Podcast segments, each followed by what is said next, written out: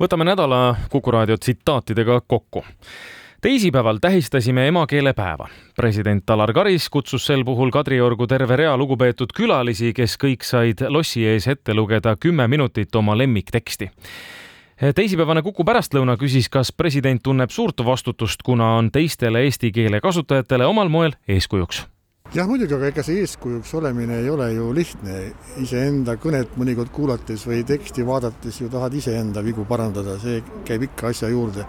et äh, aga vastutus kindlasti on olemas, et, äh, et õigem oleks öelda, et see keeleselgus, et see oleks olemas. täna me loeme ja, ja vaatame dokumente, sõnad ju on kõik tuttavad, aga aga tekstist aru ei saa, nii et sellega peab kindlasti tegelema, et see mõtteselgus ka sealt tekstidest välja tuleks neljapäevasele sihikule andis intervjuu peaminister Kaja Kallas, kes rääkis koalitsioonikõneluste senisest kulgemisest.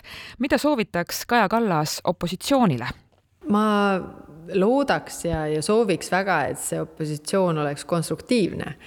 et me oleme valmis kuulama tegelikult opositsiooni mõtteid ja neid arutama siis nii palju, kui, kui see on jah, konstruktiivne. ma küll ise pelgan, vaadates praegu seda, mida EKRE ka nende valimistulemuste kõigega teeb, siis ma pigem pelgan seda, et et äh, nende soov on igal juhul takistada igasugust valitsemist.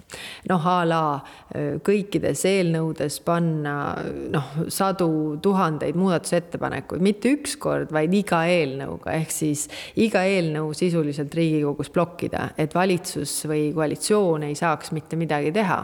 Äh, selle vastukäik on valitsusel loomulikult see, et sa saad siduda eelnõusid usaldusega, aga see tähendab seda, et debatti on tunduvalt vähem, nii et, et ma väga küll loodan, et äh, opositsioon ikkagi oleks valmis teemasid arutama äh, nii, et me saaksime ka nende muresid võtta pardale, mida me ei saa, kui hakatakse tegema lihtsalt obstruktsiooni ja me oleme sunnitud siis olulisi eelnõusid usaldusega siduma.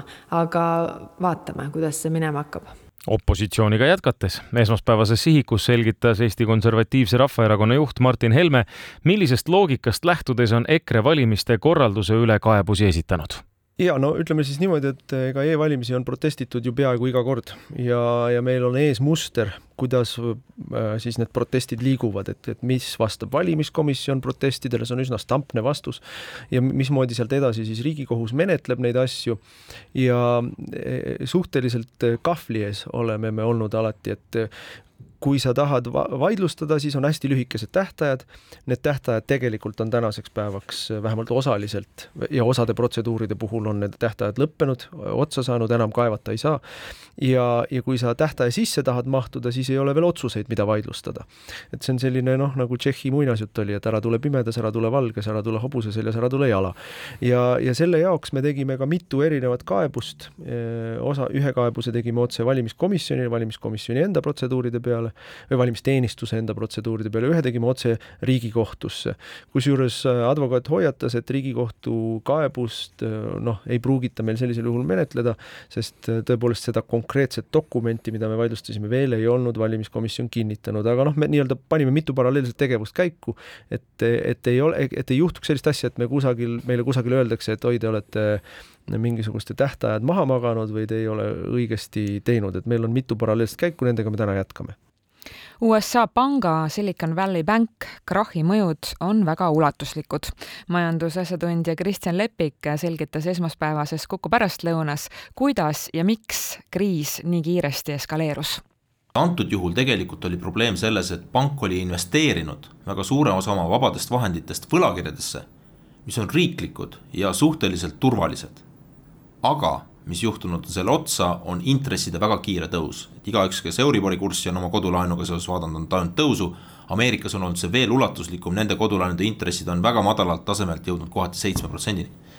mis tähendab seda, et võlakirjad, kui intressid tõusevad, siis olemasolevad võlakirjad kukuvad väärtuses.